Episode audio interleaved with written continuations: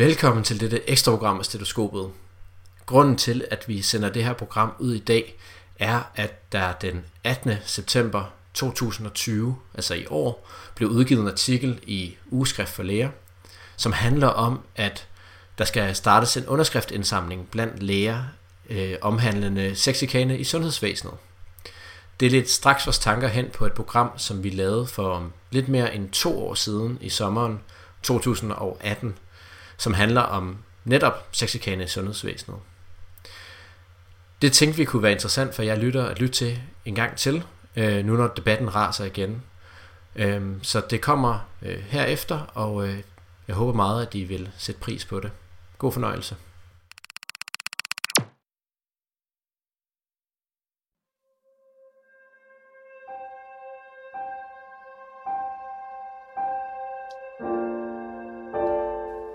Gik på fire semester, var jeg på et klinikophold, hvor en af overlægerne gjorde mange seksuelle tilnærmelser. Primært til mig, men også til en medstuderende, som var med på opholdet. Et par gange vadede han ind i omklædningsrummet, mens jeg var ved at klæde om til operation, og lænede sig op ad en væg med armene over kors, mens han stirrede på min krop. En enkelt gang stod han og kiggede ind over ruden til en operationsstue, hvor der var ved at blive foretaget en hysterektomi. Man kunne se kvindens kønsdele, og han sagde til mig, at min vagina sikkert var meget mere ung og frisk. En sen aften, efter en lang knæoperation med ham, skulle jeg hjælpe med at skrive i patientens journal. Flere gange brugte han anatomien og læringens skyld som undskyldning for at kramse mig på låret og på knæet, og flere gange rykkede jeg mig væk. Da jeg skulle ned og klæde om til mit eget tøj, påstod han, at han skulle samme vej og gik med. Han fortalte en lang historie, og jeg følte ikke, at jeg kunne være bekendt at dreje af ned mod mit omklædningsrum, før han var færdig med at snakke. Han havde jo trods alt al autoritet. Pludselig stod vi ude foran døren til hans kontor, og jeg sagde, at jeg ville finde mit omklædningsrum, hvor til han svarede, at han der havde regnet med, at jeg ville klæde om sammen med ham inde på hans kontor. Aldrig nogensinde har jeg løbet så hurtigt og set mig så mange gange tilbage af frygten for, at han ville følge efter mig ned til mit omklædningsrum. Jeg nåede ikke engang at klæde om, men rev tøjet ud af skabet og løb hele vejen hjem. Lige siden det ophold har jeg skammet mig. Jeg har til dels skammet mig over, hvor nedværdigende jeg lod ham være, og til dels over, at jeg aldrig rigtig sagde fra. Men hvad kan man gøre, når man kun er 22 år gammel, og ens karriere knap nok er begyndt? Og det her med at opdage, at man er med til at opretholde et system, som gør andre ondt. Det er fucking nederen. Først dagen efter slog det mig, hvad jeg skulle have sagt. Jeg skulle højlydt have bedt ham om at træde et skridt tilbage og fjerne sin hånd fra mit lov.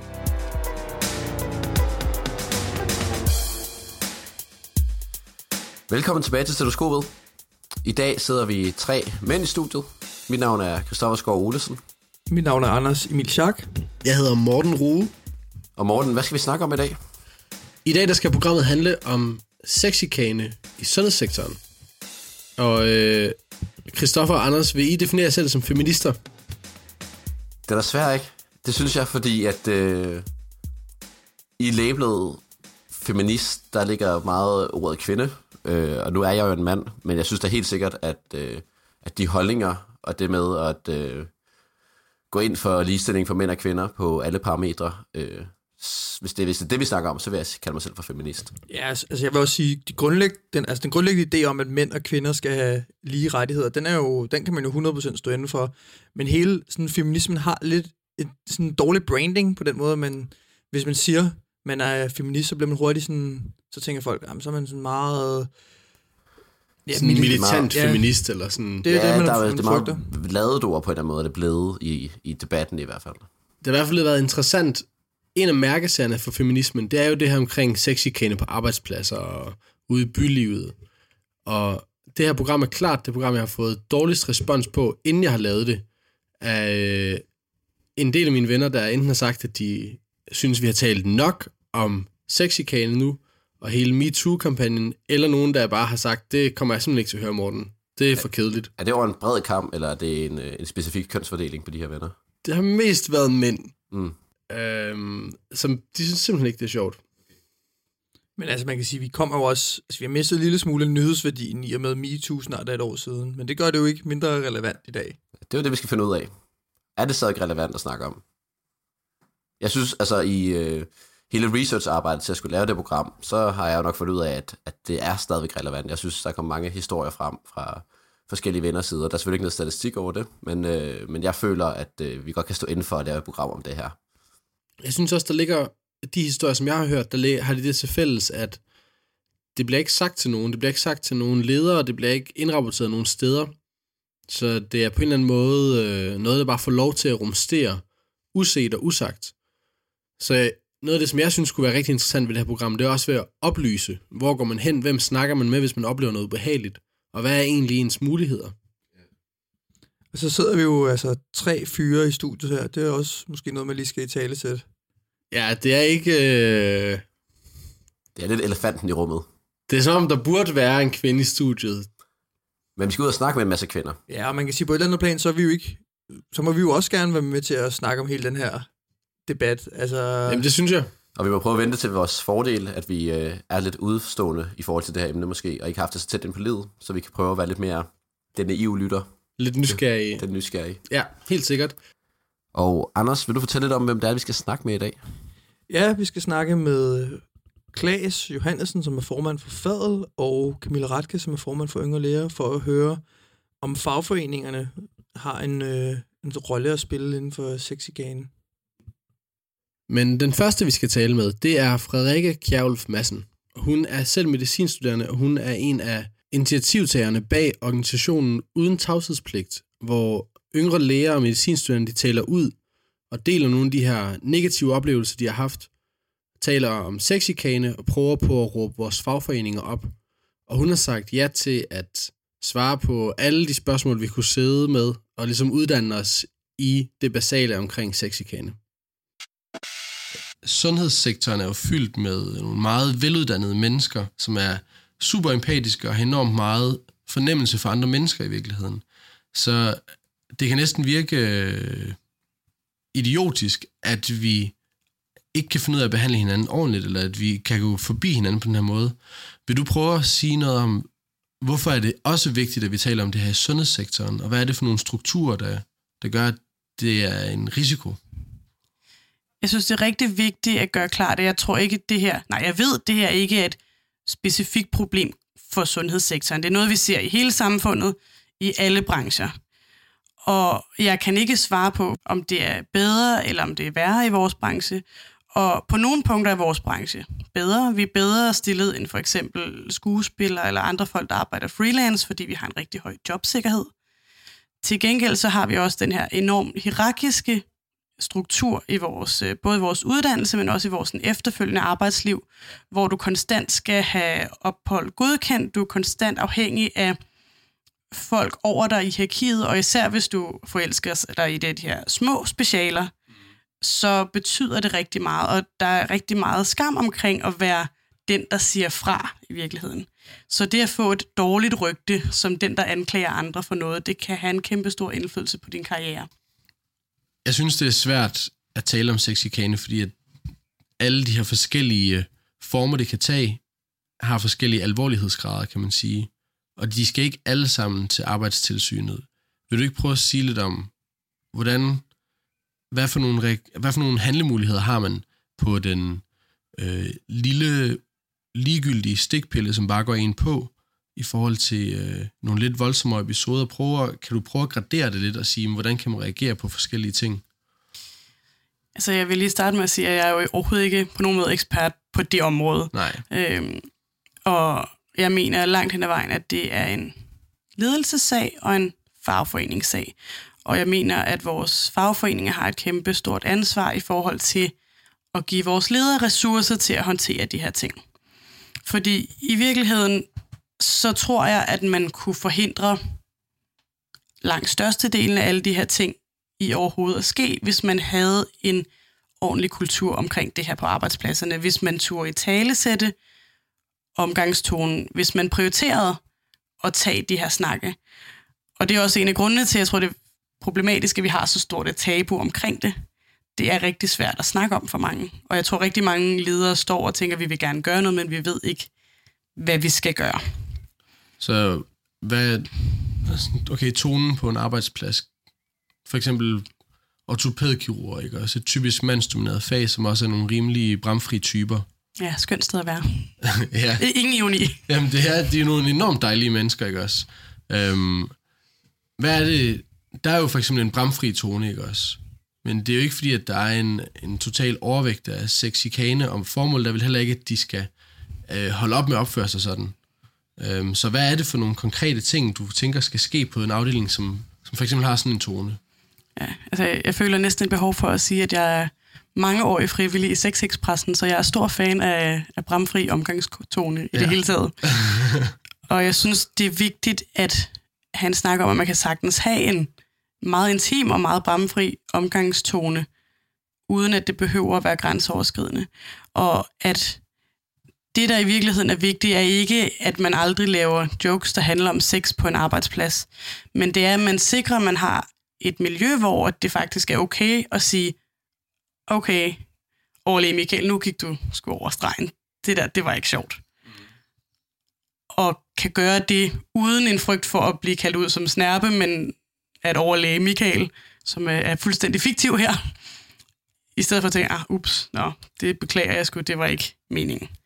Fordi i min verden er det der, du har et fedt arbejdsmiljø, det er der, du har et fedt venskab, det er, at I kan lave dårlige jokes, og I kan sige upassende ting, og vi ved, at det er for sjov, men hvis du pludselig bliver i tvivl om, at det her er for sjov, at du kan føle dig 100% tryg ved at sige, hmm, nu blev jeg utilpas et øjeblik, ja. kan vi lige nulstille en gang.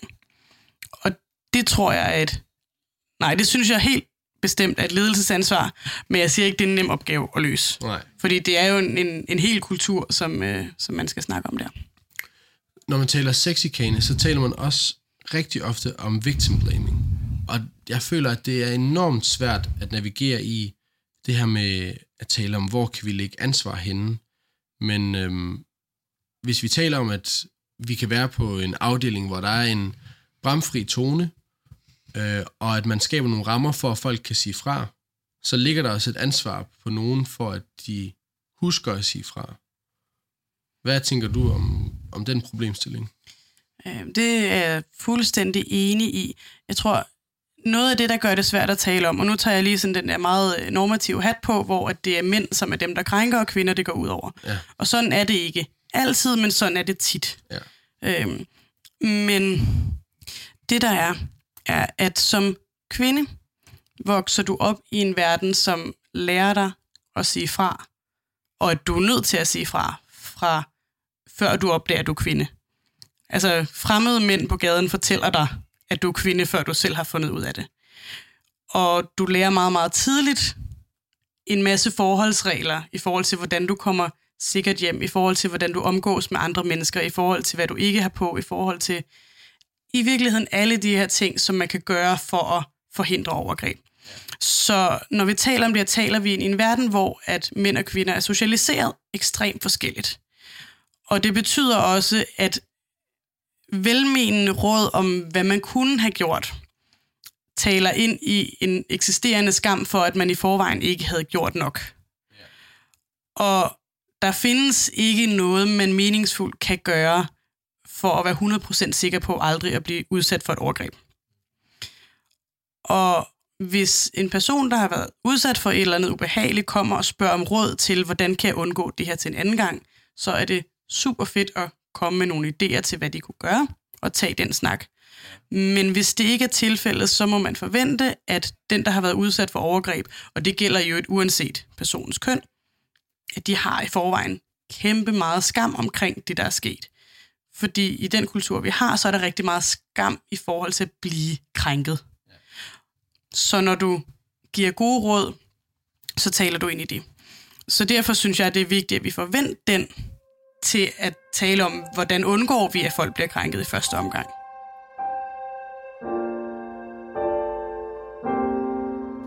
Jeg var i klinik på syvende semester, og en af introlærerne talte jeg rigtig godt med. Inden vagtskiftet en af dagene, hvor jeg havde aftenvagt, talte vi længe sammen. og kort efter han var gået, fik jeg en venneanmodning fra ham på Facebook. Jeg synes, det var lidt underligt, at han havde fundet mig, og tænkte på, om han måtte var interesseret i mere. Men eftersom jeg tydeligst er angivet som værende i forhold, og med et link til min kærestes profil, så jeg det bare hen, som værende en af de der situationer, hvor folk, der er lidt ældre, ikke helt har forstået, at man ikke behøver at ansøge alle, man møder på sin vej. Med det samme, jeg havde accepteret, begyndte han at skrive til mig. Det var nogle ret ligegyldige hverdagsting, og jeg forstod ikke, at han var så ivrig efter at skrive om de ting. Jeg fik også ret hurtigt pointeret, at jeg havde en kæreste, som jeg var meget glad for. Han spammede mig med beskeder. Jeg svarede ikke på dem alle sammen, men følte ikke, at jeg kunne ignorere ham fuldstændig, for vi så jo dagligt i klinikken, og nogle dage skulle jeg også følges med ham. Beskederne blev mere og mere private. Han begyndte at spørge ind til seksuelle erfaringer, mine bryster og forsyren mellem mine ben. Jeg var meget tydelig om, at det ikke ravede ham, men han blev ved. Og jeg følte mig maks presset til at blive ved med at svare, når han ikke var sjofel, fordi jeg jo som sagt skulle følges alene med ham til stuegang. Jeg burde nok have sagt noget til den uddannelsesansvarlige, men jeg følte mig faktisk medskyldig i chikanen, fordi jeg blev ved med at svare på de beskeder, som ikke var seksuelle. Jeg var også rigtig bange for, hvordan stemningen på afdelingen ville blive efterfølgende, hvis han vidste, at jeg var gået videre med det. Han er næsten stoppet med at skrive til mig nu. Han sendte et billede af sin erigerede diller, efter klinik var færdig, og efter det er frekvensen af beskederne faktisk aftaget. Jeg håber ikke, det sker igen, men hvis det gør, så vil jeg ikke være så passiv. Jeg har tænkt meget over, at han nok vil gøre det igen, og næste gang kan det jo være, at han gør det mod en ung pige, som ikke kan trække på skuldrene over det, på samme måde, som jeg har kunnet her efterfølgende. Så der, hvor vi reelt bør sætte ind, det er at prøve på at blive bedre til at skabe de her rammer, hvor man kan tale om det og få finjusteret, hvad der er okay og hvad der er for meget, og hvordan vi kan omfavne de situationer, som er for meget. Ja, og så synes jeg, at vi skal opdrage på... Nu har jeg lyst til at være provokerende og sige, at vi skal opdrage på mænd. Ja. Men i virkeligheden synes jeg faktisk, at det er os alle sammen, der har brug for den samme opdragelse. Vi er vokset op med en fortælling om, at du kan altid sige nej. Det er der sådan en god konsensus om i øh, folkeskolen, når man snakker om grænser og sådan noget, at vi fortæller børn, at de kan altid sige nej, de må altid sige nej, og det kan man bare gøre. Og virkeligheden er bare, at vi har alle sammen på et eller andet tidspunkt, det behøver ikke at være et decideret overgreb, men vi har alle sammen prøvet at være i en eller anden situation, hvor at man var med til et eller andet fysisk, som man ikke rigtig havde lyst til. At man har er blevet overtalt til at gøre ting, at man måske har en, en onkel med dårlig ånde, eller en tante, der altid vil kysse på munden, og man synes, at det er mega grænseoverskridende, fordi man kun ser dem en gang om året, eller hvad det nu kan være, men man har ikke lyst til at være den, der laver en scene ved at sige fra. De fleste kan faktisk godt relatere til den der følelse af, at noget er ubehageligt, men at man finder sig i det alligevel. Og der synes jeg, at det er vigtigt, at vi i talesætter, og at vi opdrager os alle sammen til, at man kan ikke altid sige nej. Vi er nødt til at forstå, at, at et, altså et samtykke, et øh, ej, hvor er det her fedt, er ikke det samme som, at der ikke er nogen, der råber op og siger fra.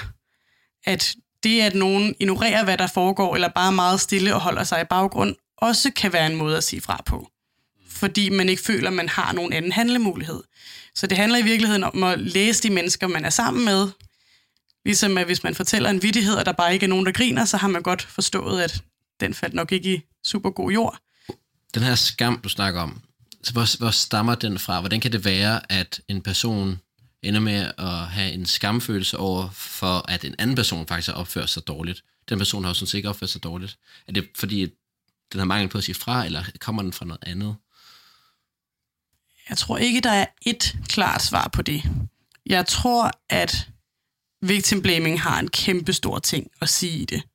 Jeg ved ikke, hvor meget I øh, følger med i de onde kommentarspor på Facebook, men hvis man kigger på folk, der har været udsat for overgreb, så øh, at de offentlige kommentarer, der kommer omkring den slags, er meget, hvorfor var du også der? Hvorfor havde du, hvad havde du på?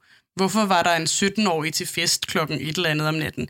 Hvad har forældrene gjort galt, siden hun har bragt sig selv i den her situation? Øh, og så kombineret med, at vi har en, en kultur, som er sådan meget, i virkeligheden individualiseret. Altså, vi lægger rigtig meget værdi på individet. Det er din dit eget ansvar at være lykkelig og, og have det godt. Og hvis det ikke går godt, så er det også din egen skyld. Og vi har en eller anden, jeg tror, vi har en illusion om, at vi har rigtig meget kontrol, men når nogen så udsætter dig for noget, hvor de fratager dig kontrollen, så står du pludselig i en enorm sårbar situation, hvor du ikke kunne have gjort noget, men samtidig så har du en verden, der fortæller dig, at du skal i hvert fald ikke være med i den her krænkelseskultur. Du skal ikke være et offer. Der er ikke nogen, der har lyst til at være et offer. Det er det værste, man kan være. Problemet er bare, at et offer er ikke noget, du gør dig selv til. Et offer er noget, du bliver, når nogen andre udsætter dig for noget. Okay. Og hvordan bekæmper vi den her victim blaming? Hvordan, hvordan stopper vi den forståelse af situationen, at det altid er ens egen skyld? Hvis der var et simpelt svar på det, så tror jeg, vi havde løst det. Øhm, jeg tror, at nogle af de essentielle ting for det, og det er faktisk også en af grundene til, at jeg har lagt så mange timer i Sexexpressen i min tid, det handler om at gøre op med den her forståelse af mænd og kvinder som fundamentalt forskellige, og også som fundamentalt forskellige i forhold til seksualitet. Der er sådan en eller anden meget indgroet forståelse af, at mænd, de er mega liderlige hele tiden, og kvinder, sex, det er noget, de har for at opnå noget andet. Og det er selvfølgelig sat på spidsen, men der er ikke ret mange voksne, som vil stille sig frem og sige, at kvinder har en lige så høj sexlyst som mænd. Og vi har en selvforstærkende fortælling omkring det. Så når vi har den fortælling, så skaber det også en kultur, hvor at manden bliver jægeren, og manden bliver den, der skal score kvinden, og kvinden bliver den, som skal spille kostbar. Og derfor så bliver mænd i rigtig høj grad socialiseret til at ignorere det der nej. Og ignorere de der sådan lidt diskrete tegn på, at den anden ikke er interesseret. Så derfor tror jeg, det er faktisk sådan helt på det der basale punkt, at det er det, vi skal have gjort op med. Jeg har snakket med flere af mine mandlige venner omkring det her emne, øh, og mit indtryk var lidt, at der var flere af dem, der lidt stejlede på det, og øh, ikke rigtig havde lyst, eller synes det var spændende at snakke om. Hvad tror du, der gør, at flere mænd har svært ved at, øh, eller står lidt af på det her emne? Når man finder ud af, at man på en eller anden måde er privilegeret. Og privilegier er jo meget sådan, altså du kan sagtens være enormt privilegeret på et punkt, og så ikke på et andet. For eksempel er vi alle sammen meget privilegeret på uddannelse. Øhm, og det kan være, at jeg har nogle privilegier, I ikke har, og omvendt, men man kan sige, at det her med at være mand er i forhold til det her med seksuelle overgreb et kæmpe stort privilegie, fordi man oplever det i langt mindre grad. Og det her med at opdage, at man er med til at opretholde et system, som gør andre ondt, det er fucking nederen. Det er ikke særlig sjovt. Vi vil alle sammen gerne være helten. Vi er alle sammen helten i vores egen historie, så når der kommer nogen og siger, du faktisk, din adfærd er problematisk, så bliver vi ramt, og så bliver vi defensive. Vi stiller os på bagben og siger nej, fordi jeg er den gode. Og jeg tror, det, der gør det rigtig svært, at vi kan alle sammen blive enige om, at folk, der voldtager andre, det er nogle røvhuller. Øh, så når vi så går ind i øh, diskussionen om, hvad der er voldtægt, og begynder lige pludselig at snakke om, øh, om samtykke, og om hvornår noget, altså det her med sådan, øh, hvad hedder coercive behavior på dansk. Altså når man, i virkeligheden, når man prøver at presse nogen til sex, eller når man måske ikke har fået et decideret nej, men helt klart heller ikke har fået et ja. Hvis man kigger på, om man har udøvet den her form for social pres for at opnå noget seksuelt, så er der lige pludselig rigtig, rigtig mange mænd, som er nødt til at kigge sig i spejlet og sige, ups. Og det er ikke særlig fedt. Og hvis jeg skal være helt ærlig, nu bliver jeg sådan helt uh, angry feminist-agtig, jeg tror ikke, der er ret mange mænd, som ikke på et eller andet tidspunkt har overskrevet nogle andres grænser. Og det gør, at det er rigtig, rigtig svært at snakke om for mænd. Men er det overhovedet muligt at forestille sig en social kontekst, hvor man ikke altid vil risikere at overskride nogens grænser? Jeg tror måske i virkeligheden, at, at det, der er vigtigt ligesom at huske på, det er, at der er forskel på, hvordan man overskrider andres grænser. Der er forskel på, om du sidder, måske er du på date med nogen, måske har du mødt en eller anden, du har mødt en pige i byen måske. Så sidder jeg og snakker drikker en øl, og du tænker, ah, det her det spiller bare, så tager du hende måske lidt på låret for at se, om ikke vi kan komme lidt videre. Og så bakker hun lige en halv meter tilbage. og du kan godt se, okay, det er hun ikke med på. Der har du i virkeligheden overskrevet hendes grænse, men hvis du trækker hånden til dig der, og ikke gør mere ud af det, så bliver det aldrig til en MeToo. Hvis du i stedet for presser på og siger, ej, kom nu, og bliver ved, eller hvis hun, du måske presser hende derud, hvor hun siger, ej, hallo, det her det gider jeg ikke at være med til, og du så sviner hende til, det sker desværre rigtig, rigtig mange gange, så har vi et problem. Så altså, grænser er jo noget, man finder dynamisk undervejs, og de kan ændre sig fra person til person, og de kan også ændre sig fra situation til situation hos den samme person. Og det er derfor, det er vigtigt, at man er opmærksom på de her ting. Altid, når man interagerer med andre mennesker. Og der, hvor vi får et problem, det er, at mænd systematisk er opdraget til, at de skal overskride de der grænser, fordi ellers så får de ikke sex. Det er tydeligt, at der ligger en opgave med at få mænd til at stoppe med at lave de her grænseoverskridende ting. Men ligger der også et ansvar hos de mænd, som bare ser passivt til? Jeg tænker, at der ligger et ansvar faktisk hos os alle sammen i forhold til at have øjnene åbne over for de her ting, og også i forhold til, at når folk fortæller om det, fordi det er der rigtig mange, der gør, ikke nødvendigvis til officielle instanser, men der er rigtig mange, der tager det her op med deres kollegaer på et eller andet tidspunkt. Og ikke at være den kollega, der siger, ah, det er bare for sjov, han er lidt upassende, det skal du ikke tage dig af. Eller, ah, han ved nok ikke, hvordan han skal ligge an på dig. Altså i virkeligheden har vi alle sammen et ansvar for, at når nogen siger det højt, at vi ikke bagatelliserer det. At selvom vores egen tanke måske er, at det havde måske ikke påvirket mig så meget, at man tager det alvorligt. At man kan være empatisk og bare sige, fuck, det lyder træls. Nu, hvis vi taler helt konkret, kunne man så ikke også forestille sig en situation, hvor der er en, der har haft en dårlig oplevelse med en ny overordnet, de lige har øh, gået stuegang med eller hjulpet til en operation, og så deler de med en kollega, og så er der også brug for, at kollegaen bare siger sådan, Nå, men han er faktisk, han er bare røvdårlig humor, men han er super flink. Det er ikke for at bagatellisere det, men det er måske også for at kontekstualisere det, altså sige sådan, det kan jeg godt forstå, at du har haft en dårlig oplevelse, men han er faktisk også bare, øh, man skal bare lige lære, at han er super glad for sin kone, og øh, har tre fantastiske børn, så han er på ingen måde ude på at score dig. Det, når man sætter det i den kontekst, så er det faktisk ikke kan du følge mig, at... Øh, jeg tror, det er vigtigt, at hvis det er den tanke, man har, at det så ikke er det første, man siger.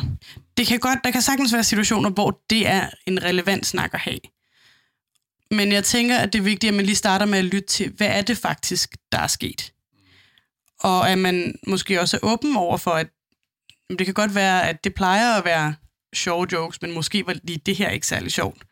Og at den vinkel, man måske tager, i stedet for at sige, okay, det er godt nok træls, her man plejer at godt nok at fyre jokes af, altså, men det plejer ikke at overskride nogens grænser, har vi indtryk af.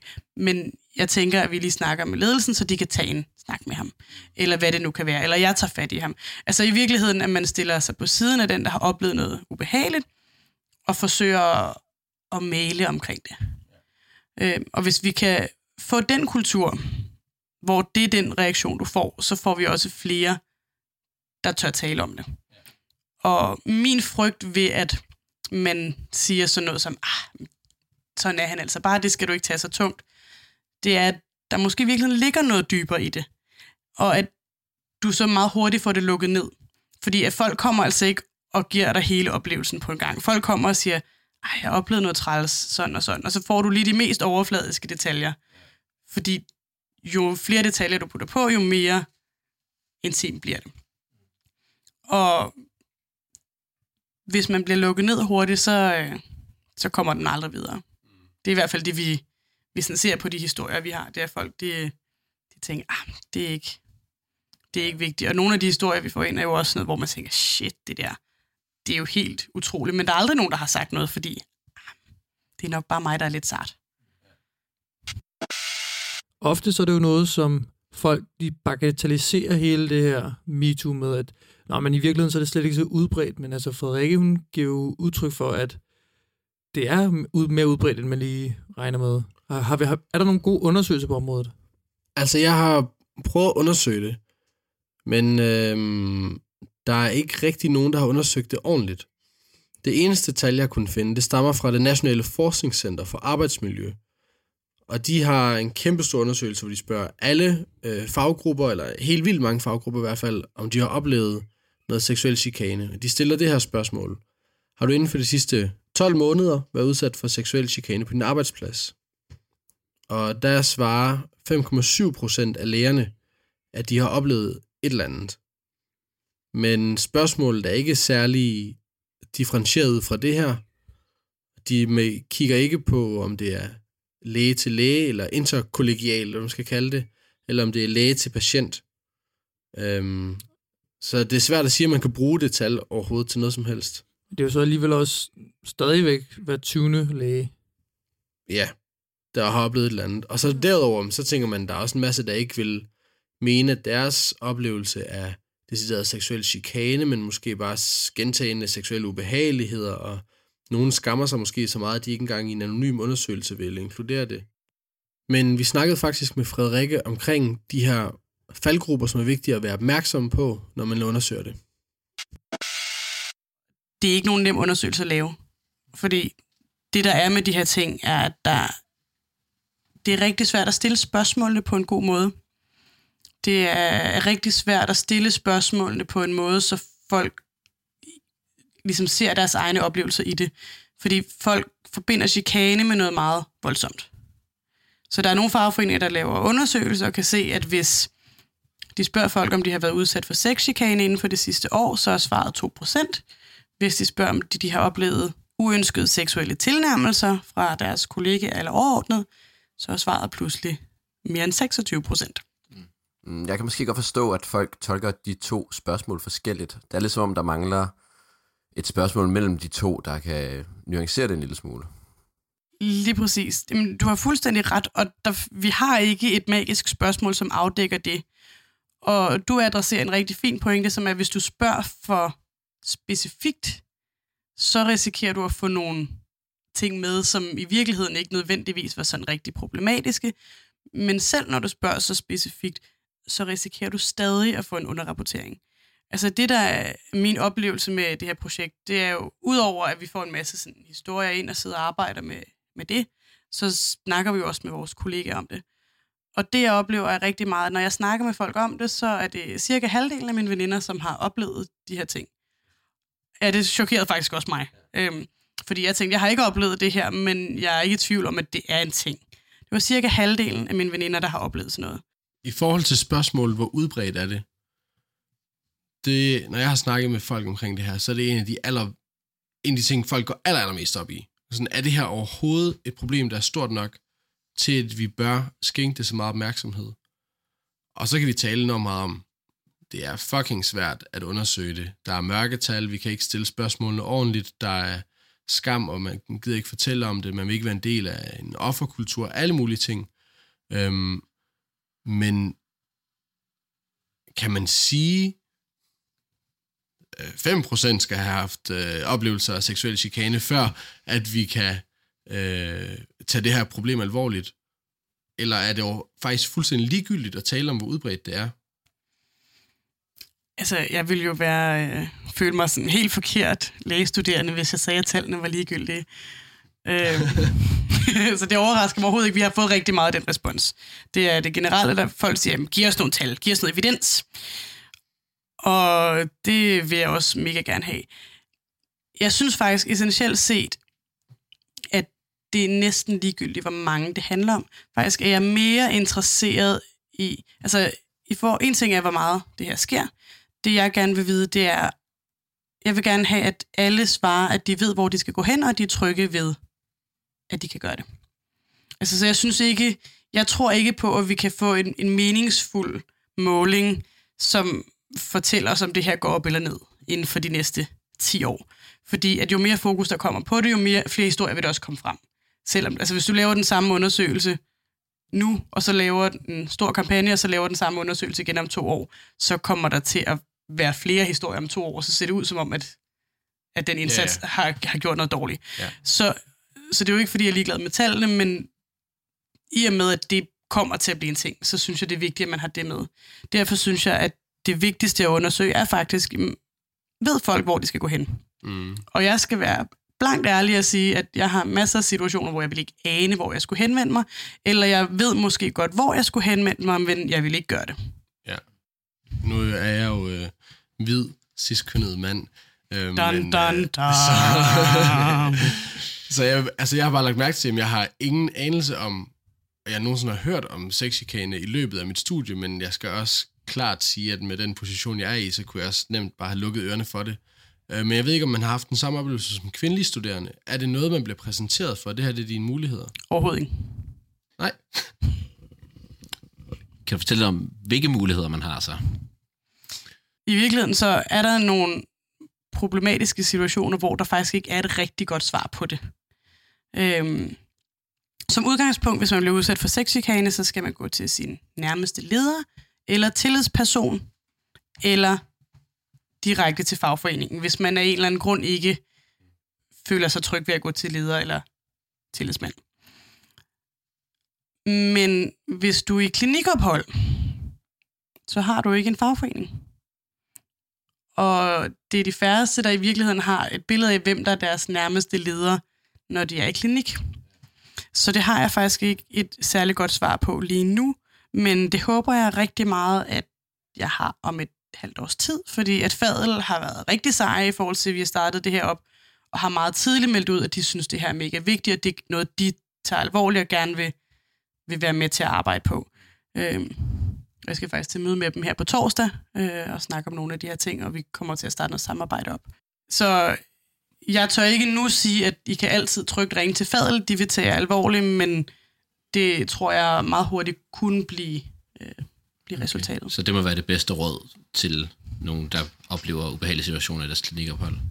Jeg tror, at det må være, altså umiddelbart, så må det på papiret hedder det uddannelsesansvarlig overlæge. Ja. Og det, da du siger på papiret på den måde, så lyder det som, om du ikke helt tror på det. Altså, jeg har ikke været på en afdeling, hvor jeg havde tæt nok kontakt til min uddannelsesansvarlige overlæge, til jeg ville have kunne gå til dem med nogle af de historier, jeg har fået ind. Nej. Ens uddannelsesansvarlige overlæge er også fucking kammersugar med øh, alle de andre på afdelingen, også? Ja. Jeg kan lige altså bare i mit hoved, lige så snart jeg prøver at forestille mig, at jeg står som uddannelsesansvarlig overlæge, og en af mine studerende kommer og fortæller mig en historie om en af mine gode venner, og han har været upassende over for ham hende. Altså jeg vil lave tusindvis af krumspring i min hjerne for at bare sige sådan, ej, der er sgu noget, der er blevet misforstået her, det kan ikke være så... Altså det er bare enormt svært at tage en anklage seriøst mod en person, som man er venner med. Lige præcis. Og det er måske endda, altså man, jeg ved ikke, om man kan sige, at det er så svært, at det faktisk giver meget lidt mening at forvente, at den uddannelsesansvarlige overlæge overhovedet er i stand til at tage den rolle på sig, fordi man sidder med sådan en kæmpe bias nærmest. Ja.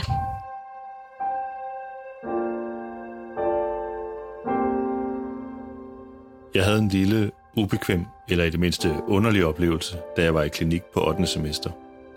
Forud for en planlagt operation var jeg i gang med at finde de forskellige remedier frem, før jeg gik i vask, herunder en brille. Derfor stod jeg inde i hjørnet af et relativt stort lokale og fiksede brillen, da den opererende, kvindelige og noget overvægtige overlæge, som jeg skulle assistere, kom til. Hun skulle hurtigt smutte ind for at se til patienten på lejet, inden hun selv gik i vask. Hun valgte så ikke at gå direkte hen til døren, hvor der også var en maske at snuppe, men i stedet at slå en stor bue hen forbi hjørnet, for at tage en maske fra foran mig, så hun fik mast sin barm og bu op imod min ryg og numse. Der er virkelig ikke særlig meget plads herinde, var. Situationen var lidt mærkelig og ret unødvendig. Så fortsatte dagen. Du har været i kontakt med Fadel, fortæller du, øh, og siger, at de har været rigtig positive, og I prøver at få, få det i talesat og skabe nogle tiltag. Og vi skal snakke med Fadel om lidt, og det hører vi mere om der. Men hvad med en fagforening som Yngre Læger? Oh, I wish.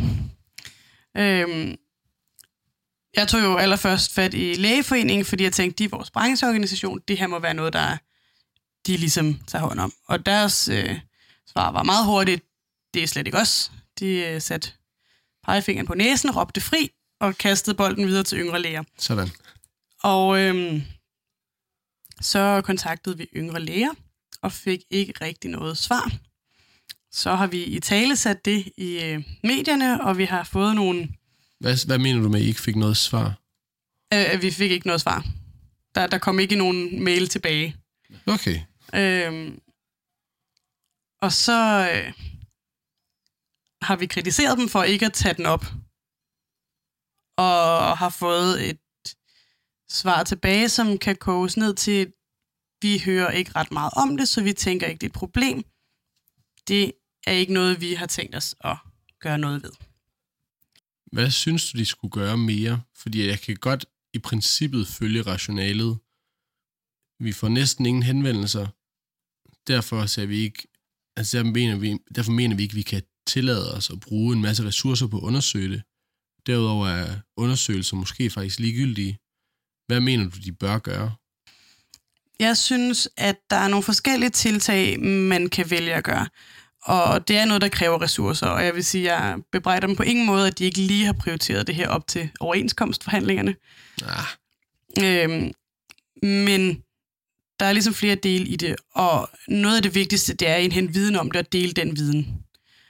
Og der er rigtig mange andre fagforeninger, som arbejder med det her i mange år, så det vil være relativt nemt at sætte et par folk på at skaffe den viden ind. I virkeligheden at spare med de andre fagforeninger. Vi arbejder lidt på det selv i vores lille gruppe, og vi vil også rigtig gerne arbejde sammen med yngre læger med den viden, vi har. Men vi har ikke ressourcer til at løfte hele det her.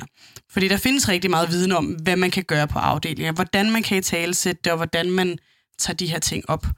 Så jeg tænker, at der er en, en vidensdeling og en, altså i virkeligheden en uddannelse af vores allesammens ledere. Og så tænker jeg, at man kan gøre rigtig meget sådan også oplysningskampagnemæssigt. Jeg tænker i virkeligheden, at det kunne da være mega fedt, hvis du gik ind på Lægeforening eller Yngre Lægers hjemmeside, og at du allerede på forsiden kunne se, hey, har du været udsat for sexchikane, eller der, har du oplevet noget ubehageligt på arbejdspladsen? Tryk her, så, snakker, altså, så er der en guide til, hvad du kan gøre.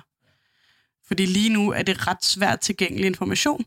Det er noget med, at du skal du må finde det sådan generelle kontaktnummer, så må du ringe til en, jeg ved ikke om det er en omstilling, eller hvad du får fat i, og så sige, jeg har været udsat for noget mega træls, hvem skal jeg snakke med om det? Ja. Øhm, og jeg er sikker på, at de er garanteret mega søde, men det er, en, det er en hurdle at skulle over, og vi snakker om noget, der i forvejen er svært at tale om. Så jeg vil synes, det var mega sejt, hvis alle vores fagforeninger var meget tydeligt ude omkring det her. At sige, vi tager det alvorligt. Der er ikke nogen henvendelser, der er for små. Det betyder jo ikke, at alt skal retforfølges, men der er ikke noget, der er for småt, og du kan selvfølgelig være anonym. Og du kan få hjælp til at bearbejde, bearbejde hvad det nu end er, der er, foregået. Og at de kunne også være tydelige omkring, at det måske ikke er så vigtigt, hvilken position du har. Fordi vi jo i virkeligheden har rigtig... Jeg tror, der er mange sager, som netop falder imellem stole. Fordi er det den ene eller den andens fagforening? Er det, er det chefens fagforening, fordi de er ikke yngre læger? Eller er det fadel, eller er det yngre Altså, hvem er det, du skal have fat i? Frederik stiller altså en kritik af fagforeningernes indsats på det her område, eller måske kan man snarere sige, at det er en form for opfordring til at gøre det lettere for folk at indrapportere deres, øh, deres øh, de ting, de bliver udsat for. Ja, hun er i hvert fald ikke helt tilfreds med, hvordan det er lige nu. Nej. Jeg har snakket med formanden for Yngre Lægers fagforening, Camilla Ratke, om øh, prøve på at få svar på den her kritik, som Frederikke stiller, og også egentlig høre, hvad kan Yngre Lægers medlemmer gøre, hvis de oplever seksuel chikane på arbejdspladsen? De kvinder, som vi har talt med omkring sexikane, de er ikke sikre på, hvor de skal henvende sig, hvis de oplever noget ubehageligt på deres arbejde. Hvem synes du har ansvar for at informere yngre læger om, hvad de skal gøre, hvis de oplever sexikane? Jamen, det synes jeg, ledelsen har. Ledelsen på de enkelte afdelinger. Øh, ja. Øhm, i- fordi det er jo et ledelsesansvar at sikre, at øh, de medarbejdere, man har, de kan omgås hinanden øh, uproblematisk, og at de ikke chikanerer hinanden, og at man ikke føler sig chikaneret på sin arbejdsplads. Men i den sammenhæng kan det jo også godt være, at man har brug for at vente med andre først, og det kan jo være en tillidsrepræsentant, men det kan jo også være en, man er meget mere fortrolig med, end det er en, et familiemedlem, eller en ven, eller veninde, eller noget andet. Ja. Tillidsrepræsentanterne, det er yngre lægers repræsentanter ude på afdelingerne, det er korrekt? Jo, Ja. Okay. Så mener du, at yngre læger har en del af ansvaret for det? For at informere omkring øh, sexikane, eller er det op til de enkelte hospitaler at stå for det? nej, det mener jeg ikke, yngre læger har et ansvar for. Hvad kan øh, yngre læger hjælpe med, hvis man oplever seksuel chikane? Ja, men yngre læger kan jo bistå en øh, omkring ansættelsesmæssige problemstillinger.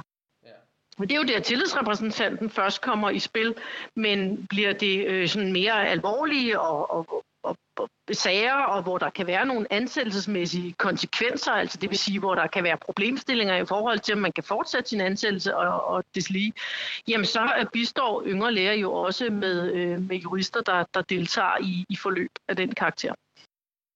Det her, de her specifikke sager omkring øh, sexikane, mener du faktisk ikke rigtig hører til inden, altså inden hos yngre læger. Det er kun ude på afdelingerne. Og så er det så i juridisk bistand, der kan I godt hjælpe til. Øh, jamen det jo kommer jo, altså nu, nu nævner du de her sager, altså vi får øh, maks en håndfuld henvendelser om året i yngre læger. Ja. Om sexchikane. Og det er jo ikke det samme som, at der ikke er et problem. Det er bare øh, et udtryk for, at det ikke er noget, folk kommer til os med. Og det kan der jo være forskellige grunde til, øh, for jeg tror da, at der må være flere end fem om året, der oplever noget øh, rent statistisk set. Øhm, og det er jo spørgsmålet, om, om det er noget, man føler sig øh, pikeret af, om det er noget, man selv får håndteret, øh, noget, man selv får sagt fra overfor, om det er noget, man går til sin ledelse med, og så får ledelsen håndteret det, om det er noget, man øh, oplever tæt på, og man alligevel skal stoppe i afdelingen, og så rejser man videre, og så sker problemet igen. Det kan der være rigtig mange gode grunde til. Men jeg mener jo, at hvis man oplever noget af denne her karakter, så er det i første instans ikke vigtigt, yngre læger får det at vide. Så er det i første instans vigtigt, at ledelsen får det at vide. Er mest altså selve øh, yngre læger, hvis vi ser, altså ser bort fra tillidsrepræsentanterne, så der hvor yngre læger reelt kan hjælpe, det er når det bliver mere alvorlige sager, og ligesom træder ind over de her hverdagssager og bliver til noget mere grænsen til overgrebsagtigt. Altså, man kan sige, det, øh, det, er jo, det er jo det, der er vanskeligt, fordi det her er jo ikke ansættelsesmæssige sager. Det her er potentielt strafferetssager, og det skal løse i, i strafferetssystemet. Det skal ikke løses af en fagforening. Så øh, der er ingen tvivl om, at folk øh, kan jo godt kontakte os, og vi kan sagtens rådgive, og vi kan sådan set også, hvis det er sådan noget, det tendenserer, at man begynder at sygemelde sig, og man skal forklare sin leder, hvorfor øh, det hænger sådan sammen, fordi man faktisk synes, det er ubehageligt at komme på arbejde, jamen så bistår vi jo øh, og går gerne med til nogle samtaler for at få, øh, få, få den yngre læge til at føle sig tryg i, måske orientere ledelsen om nogle ting, der ikke øh, er, som de skal være. Det gør vi meget gerne. Det er bare ikke noget, vi oplever. Altså på den led oplever vi ikke, at det her er en problemstilling, man har lyst til at dele med sin fagforening. Man har måske, hvis man har lyst til at dele den, så lyst til at dele den med familie, venner, bekendte, som man er mere trygge ved. Så det synes jeg egentlig lyder rigtig fornuftigt, at I ligesom kan gå med som bisider til samtaler, eller hjælpe med at navigere i det her mellemrum mellem en klagesag og noget, man bare ligesom kan lade øh, altså glemme lidt og, og tage videre. Øhm, jeg har været inde på øh, jeres hjemmeside, og så søgte jeg på sexikane, og så fik jeg at vide, at øh, min søgning gav ingen resultater. Øh, tror du, yngre læger kunne gøre mere for at øh, synliggøre over for deres medlemmer, hvad det er, I kan hjælpe med? Altså, det kan, det kan du sagtens have ret i. Men vi har jo oplevelsen af, at vi øh, egentlig ikke har haft det store problem. Øh, fordi at vi ikke har fået så mange henvendelser. Og derfor så har vi ikke på vores hjemmeside slået det op som noget særligt, at man kan øh, øh, søge på ordet sexchikane, og så står der, du kan jo også få juridisk bistand. Heller ikke, du kan søge øh, narkotikamisbrug øh, på vores hjemmeside, men det er dog noget, vi relativt hyppigt i hvert fald ved, vi har et problemstilling med. Øhm, så, så jeg tror i virkeligheden, at, at det, som, som vi i hvert fald øh, i vores regi tænker, øh, nu hvor vi også ved, der har været en del sager om det her, det er jo, at øh, når vi laver en, en trivselsundersøgelse eller en medlems, øh, sådan en, en arbejdsmiljøundersøgelse blandt vores egne her øh, til næste forår, jamen så bliver det her nogle elementer, vi er nødt til at spørge dem om, for at se, hvor stort problemet er. For nylig var jeg i klinik på et større hospital og med til en sen operation, der varede mange timer. Jeg var engageret og udviste stor interesse for de faglige elementer undervejs, og følte, jeg faldt godt i snak med den mandlige overlæge, der var til stede. Ud på natten blev patienten endelig færdig og skulle køres tilbage på sengeafdelingen. Vi er nogle stykker, der skal følge ham derop, og der er som altid trængsel omkring elevatoren. Først kører portøren patienten ind i elevatoren, og så går jeg ind og stiller mig helt nede i hjørnet. Overlægen går ind efter mig, og de to sygeplejersker følger efter. Overlægen stiller sig op af mig. Meget tæt op af mig. Så tæt, at hans hånd rører mit lov, og jeg kan mærke hans åndedræt. Han siger så, hey, kan vi ikke få lidt flere ind i den her elevator? Så har jeg en bedre undskyldning for at stå så tæt op af den søde lille pige her. Undskyld, hvad jeg behøver? Jeg blev meget overrumplet og vidste ærligt talt ikke, hvordan jeg skulle reagere. Jeg faldt desværre i lille pigefælden. Jeg grinte lidt akavet og slog blikket ned i gulvet. De to kvindelige sygeplejersker i elevatoren blev tydeligvis også lidt utilpas og sagde heller ikke noget. Kort efter var vi ude af elevatoren, og så var det ligesom det. Først dagen efter slog det mig, hvad jeg skulle have sagt. Jeg skulle højlydt have bedt ham om at træde et skridt tilbage og fjerne sin hånd fra mit lov. Jeg skulle have fortalt ham, hvor ærgerligt jeg synes det var, at vi efter fem fede faglige timer ikke kunne opretholde den respekt og den ligeværd, som jeg synes, vi havde opbygget. Jeg skulle have gjort det klart for ham, hvordan han lige havde ødelagt min aften, og gjort, at jeg ikke ville huske den dag for alt det faglige, jeg havde lært, men for hvor utilpas jeg havde været i en elevator. På et splitsekund blev jeg degraderet fra kommende kollega til hende den lille søde pige, som overlægen gerne ville knuppe sig op af. Og problemet her er, at jeg ikke ville være blevet udsat for det, hvis jeg var grim, eller hvis jeg var en fyr. Det var udelukkende i kraft af mit udseende, min alder og mit køn, for det var det eneste, han så. En sød lille pige. Det er jo ikke et stort og traumatiserende overgreb, jeg her beskriver. Men det er et eksempel på en slags oplevelser, jeg har med jævne mellemrum, og et udtryk for den patriarkalske og selvretfærdige tilgang, som der desværre stadig hersker blandt nogle mandlige læger. Næste gang der sker noget lignende, så håber jeg virkelig, at jeg vil kunne finde mod til at sige fra i situationen. Både for min egen skyld, men også for at markere, at den slags nedværdigende opførsel ikke er okay. Ikke over for mig, og ikke over for nogen. Fagligt og hierarkisk er han langt foran mig, men som mennesker, der var vi ligeværdige, lige ind til den elevatortur. Morten, jeg ved, at du har ikke begrænset dig til at snakke med bare en enkelt fagforening. Nej, altså Frederikke var jo anderledes positivt stemt over for fadel. Så jeg tænkte, det kunne være interessant at høre, hvordan de har taget imod uden tavshedspligts øh, forslag og sådan initiativer.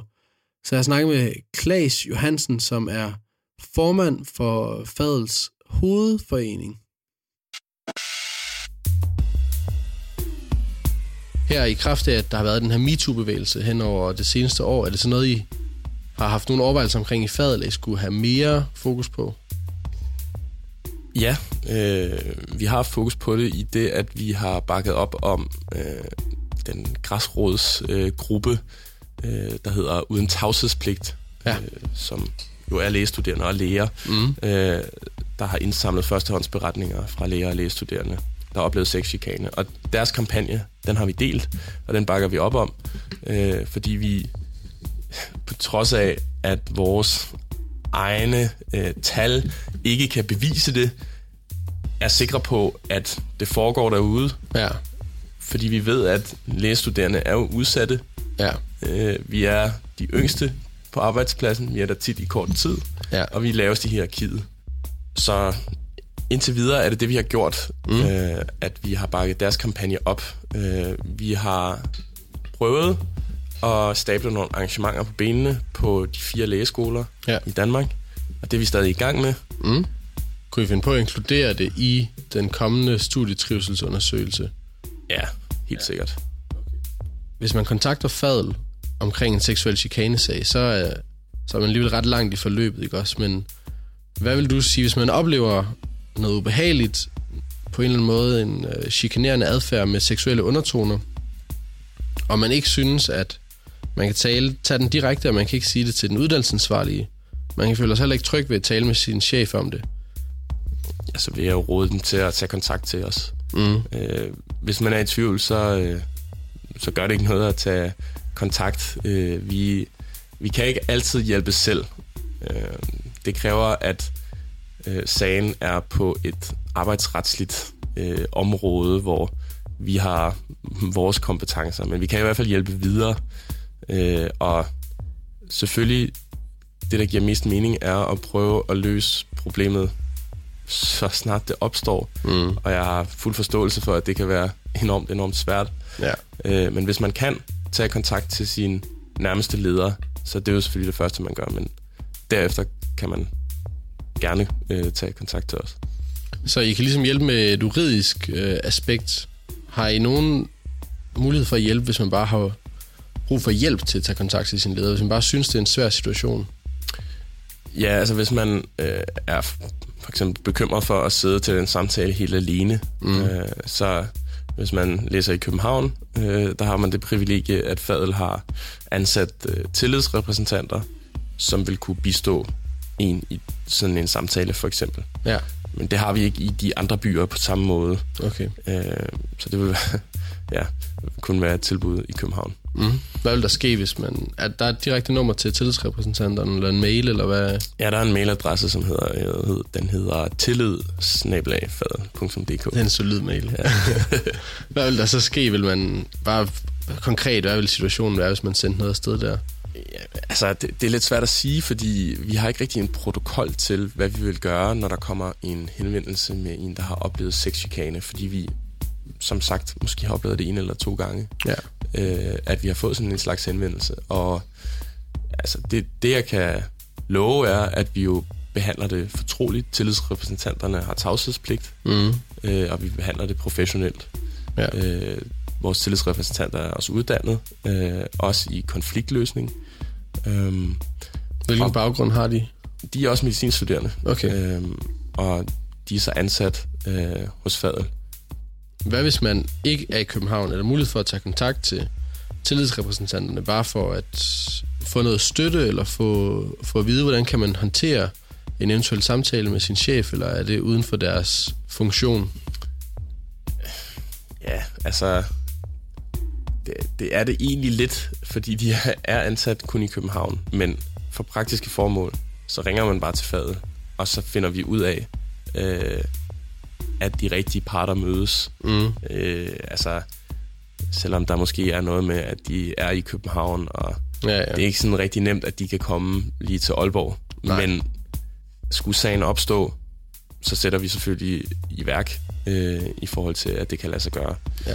Øh, så jeg er helt sikker på, også hvis man oplever noget i de andre tre studiebyer, så, øh, så kan vi give ja, tæt på den samme øh, service. Måske ikke lige så hurtigt Ja, ja. øh, og så direkte som i København. Ja, okay. Synes du, at ansvaret hovedsageligt ligger hos nogle andre end fagforeningerne? Altså, vi har i hvert fald også et ansvar, tænker jeg. Ja. Øh, altså, fagforeningerne forbereder jo deres medlemmer og støtter deres medlemmer på det arbejdsmarked, de skal ud på. Ja. Så klart har vi et ansvar i forhold til at oplyse dem om, hvad, hvad er okay, og hvor siger man fra, og hvad mm. gør man så, når man har sagt fra? Ja. Hvordan får man løst sådan en konflikt? Og at man så også bistår til at løse nogle konflikter. Det er jo i kernen, hvad en fagforening gør. Ja, så er vi ved at være ved øh, vejs ende i øh, denne omgang. Ja. Vi har hørt fra yngre læger fra Fadel, så har vi hørt fra Frederikke fra øh, Uden Tavshedspligt. Øh, desuden skal der lyde en stor tak til øh, Cecilie og Rasmus Honoré Roe for oplæsning af de historier, vi har hørt løbende undervejs, som er anonyme historier, som vi har til dels fundet på uden tavshedspligt, og til dels har indsamlet selv. Øhm, det er jo sådan et program, der ikke rigtig ender i en klar konklusion. Vi kan sætte to streger under og sige, sådan her er det. Men øh, det er blot, øh, kan vi slutte af med en lille opfordring til, at øh, vi fører den her samtale med videre ud af klinikken, og har måske større opmærksomhed på vores, øh, på vores kollegaer omkring os. Så vil vi gerne øh, give det sidste ord til Frederikke, som har en opfordring til øh, de medicinstuderende. Tak for i dag. Tak for i dag. Men primært til mændene, så er det her ting, som ikke går så meget ud over jer. Og det betyder, at for jer kræver det, at de aktivt holder øjnene åbne for at se det. Fordi der er nogen, der ikke kan undgå at få den her opmærksomhed og opleve, at det sker. I kan vælge at lukke øjnene for det. Så mit ønske til jer er, lad være med at lukke øjnene. Vær opmærksom på jeres egen adfærd. Vær opmærksom på, om den opførsel, I har over for jeres kollegaer, især jeres yngre kollegaer, om den bliver positivt modtaget. Og hvis I er i tvivl, så spørg. Det er faktisk okay at sige, hey, du blev lidt stille, var det okay, at jeg kom med den der vidtighed, eller hvis du spørger, om du har overtrådt en grænse, så har du ligesom også åbnet for, at det er noget, vi kan tale om. Så vær opmærksom på jeres kollegaer og pas godt på dem. Det var i fællesomklædningen for ortopædkirurgisk på Rigshospitalet, mens jeg var medicinstuderende, hvor hele samtalen en morgen handlede om mine bryster. Jeg fik et klask i numsen af en kvindelig sygeplejerske. I mit første KBU-forløb blev jeg inden for de første tre måneder men det var enormt tre gange Der har været altid på skød og mere seniorer mandlige læger. Jeg sagde intet, det er ikke ville skabe dårlig stemning. Særligt tidligt Da jeg trækker den til mig, tager han hånden under bordet og på mit lår. Selvom jeg synes, det er En dårligt ældre dømmekraft. kvindelig sygeplejerske stak hånden Når der virkelig generer mig og gennemgående med tilbøjeligheden til, at mine kvindelige kollegers mening er mindre værd, hvis vi ikke går i kedeligt tøj, er kedelige og ekstremt Jeg er blevet udelukket. i en kedelig forståelse. Jeg takkede nej, og han blev sur og sagde, så kunne du lade være med at lægge op til mig og flytte med mig. Ikke fordi jeg var studerende, men fordi jeg var mand. I må gerne dele, men jeg vil være anonym. Jeg frygter, at mine mandlige kolleger vil synes, at jeg er en hystade for at deltage. Jeg har aldrig følt mig så dårligt behandlet og mistænkeliggjort på grund af mit køn. Tak fordi I lyttede med til denne ekstra udgave af Stetoskopet. Det næste program det udkommer planmæssigt den 1. oktober og handler om Search and Rescue helikopteren.